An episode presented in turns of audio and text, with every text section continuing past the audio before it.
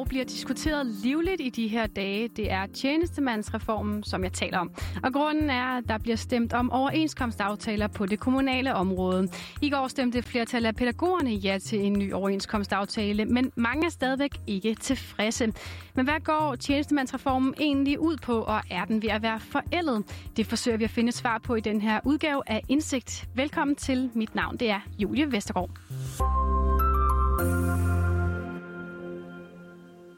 Jeg er blevet pædagog for snart 18 år siden, og jeg vidste godt, at lønnen var lav, og øh, jeg havde egentlig ikke spekuleret så meget over, hvorfor, indtil jeg her for nogle år siden øh, fandt ud af det her omkring, at det stammede helt tilbage fra 1969, hvor at øh, vi og andre kvindedominerede faggrupper blev indplaceret øh, lavere i forhold til andre faggrupper. Alene af den grund, at øh, vi var mange kvinder inden for de fag, og det, det synes jeg var en uretfærdighed, som jeg synes, at vi er nødt til at gøre op med. Ja, sådan lyder en af reaktionerne på den mere end 50 år gamle tjenestemandsreform, og den mener mange skal ændres. Derfor har pædagog Signe Jespersen sammen med 10 andre lavet et borgerforslag, der hedder Ophæv tjenestemandsreformen fra 1969, skab ligestilling i lønforholdet mellem offentlige faggrupper, for netop at gøre op med reformen. Bare det, at vi fik øh, 50.000 underskrifter på bare 8 dage, det synes jeg vidner om, at øh, der er virkelig mange, som er klar på en forandring nu. Men inden vi går videre med borgerforslaget, så lad os lige dykke ned i den her reform. For hvad er tjenestemandsreformen egentlig?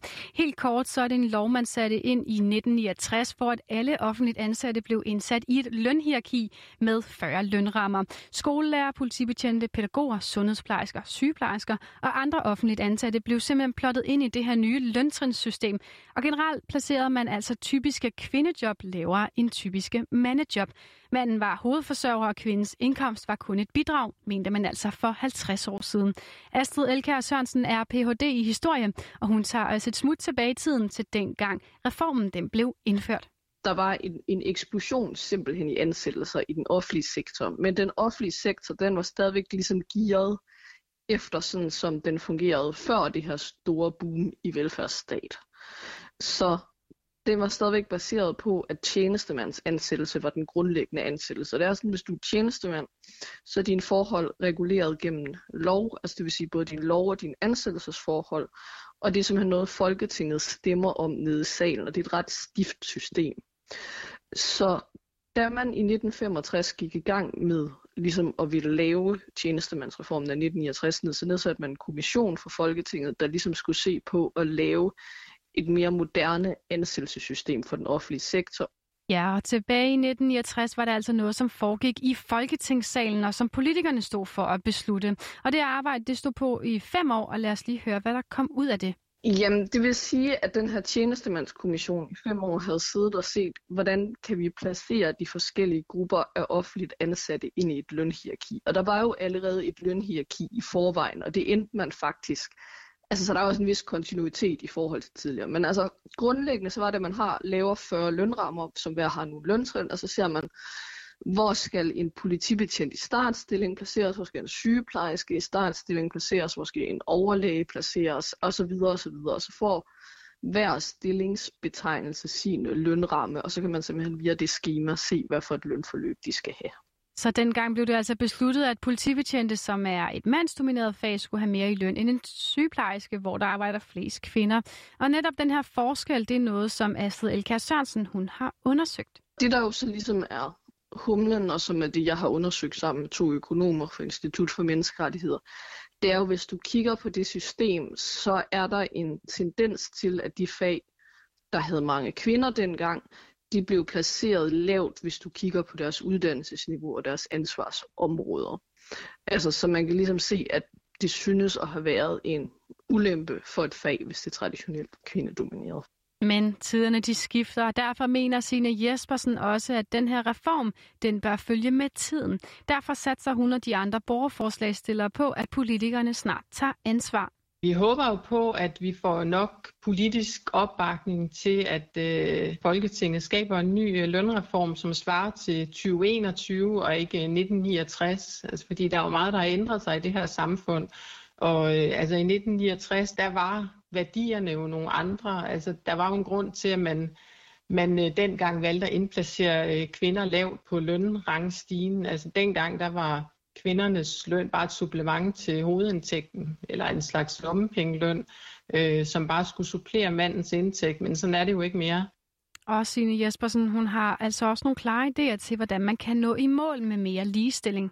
Vi har sådan tre konkrete forslag. Det er, at Folketinget de simpelthen øh, laver en øh, ny lønreform, der erstatter tjenestemandsreformen. Og at den her reform den er velbegrundet med udgangspunkt i transparente kriterier, og det er jo for eksempel sådan noget som uddannelseslængde og ansvar, og at øh, de fremlægger en plan for indfrielsen, at det bliver inden for en overskuelig ramme, altså ikke 757 år, som er udgangspunktet nu, hvor man skal ligesom ordne det ved overenskomstforhandlingerne igennem ligelønspuljer, men at det er en, øh, et realistisk mål. Men det er ikke alle på Christiansborg, som synes, det her det er en god idé. Tidligere på måneden, der hævde Pernille Skipper fra Enhedslisten faktisk ligestillingsminister Peter Hummelgaard i samråd om netop tjenestemandsreformen. Men ministeren han afviste altså at gøre noget politisk. Ifølge Peter Hummelgaard, så ligger ansvaret og opgaven alene hos arbejdsmarkedets parter. Og jeg er enig i, at reformen i høj grad afspejler sin samtid. I Danmark er det sådan, at lønfastsættelse og lønindplacering er overladt til arbejdsmarkedets parter. Det er den danske aftalemodel, en model, som vi gang på gang fremhæver som den rigtige løsning for det danske arbejdsmarked. Derfor må og skal løsningen på ligelønsproblematikken findes i den danske aftalemodel.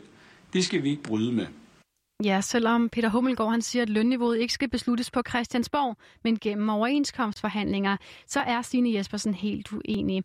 Og det håber hun, at flere partier end kun enhedslisten vil bakke dem op om. Vi arbejder jo benhårdt på, og nu skal vi simpelthen have gang i den her politiske opbakning. Fordi som sagt, så, så de andre partier, de har jo dækket sig ind under det her med, at det skal stadigvæk løses ved overenskomsten, selvom altså, der skal ikke meget til at regne ud, at det kommer jo ikke til at ske. Det har alle overenskomstforhandlinger siden øh, 1969 jo bevist, at det er alt der, at man løser problemet. Så vi håber, at der er flere partier, der følger med. Og det er ikke kun borgerforslaget og politikerne, der har sørget for, at tjenestemandsreformen lige nu er på dagsordenen. For i de her dage bliver der nemlig også stemt om overenskomstforhandlinger, eller undskyld, om overenskomstaftaler på det kommunale område. I sidste uge der stemte sygeplejerskerne for eksempel nej til den overenskomst, som Dansk Sygeplejeråd ellers havde forhandlet sig frem til. Og i går stemte pædagogerne så ja til den nye overenskomstaftale. Men her understregede formanden for BOPL, Elisa Rembler, altså også, at aftalen ikke løser de grundlæggende udfordringer med pædagogernes kønsbestemte lønefterslæb, som er et resultat af netop tjenestemandsreformen? Vi har fuldstændig den samme frustration og den samme udfordring som sygeplejerskerne. Altså, vi ligger faktisk som den allerlaveste gruppe af, af de, der har en mellemlang videregående uddannelse. Og, øh, og det vil vi kæmpe for, men vi ved også godt, at overenskomstsystemet er sådan, at hvis nogen skal have mere inden for, øh, for øh, vores grupper i forhandlingsfællesskabet, jamen, så betyder det, at andre skal gå ned i løn. Og vi mener jo ikke, at det er fordi de andre de får for meget i løn. Så vi er simpelthen nødt til at få øh, ligestillingsministeren og alle andre politikere til at forstå, at de har et politisk øh, ansvar, som ligger tilbage fra øh, tjenestemandsreformen i 1969. Og det er den, der skal justeres og rettes op på. Og det er, derfor er, de, er der nødt til at findes politiske løsninger på, på det her problem. Der er mange, der har deltaget i debatten. En af dem, der også har været ude offentligt og støtte det her borgerforslag, er tv-vært Sofie Linde, som på Instagram tidligere på måneden ønskede borgerforslaget. Tillykke med over 50.000 underskrifter. Og i en story skrev hun, at det er urimeligt, at socialrådgivere, jordmøder og pædagoger er lavere lønnet end fag med samme uddannelseslængde. De er nemlig vigtige for vores samfund, og det skal de honoreres for. Og Signe Jespersen, hun fortæller også, at det ikke bare handler om løn. Hvis der ikke bliver gjort noget, så kan vores velfærdssystem reelt set være i fare, mener hun. I virkeligheden så er det jo et, øh, et samfundsproblem. Altså for det første det her med, at, øh, at der vil komme til at mangle pædagoger og sygeplejersker og sosuer øh, i fremtidens velfærd, hvis ikke vi får gjort noget ved det her. Og det kommer jo til at ramme alle men, men også fordi det simpelthen er et kæmpe problem, at vores løn den hænger fast i en, øh, en reform, der bygger på nogle forældede værdier fra dengang, hvor kvinders indtjening de blev set som sådan en slags lommepengeløn. Altså jeg synes ikke, at vi kan være bekendt i 2021 og stadigvæk øh, aflønne øh, vores frontpersonale ud fra sådan nogle forældede værdier. Ja, og med det nåede vi altså til vejs inden for den her udgave af Indsigt. Udsendelsen i dag var tilrettelagt af Laura Brun, Jonas Emil Jakobsen og Anna Søjberg. Og mit navn det er Julie Vestergaard, og jeg vil sige tak, fordi du har lyttet med.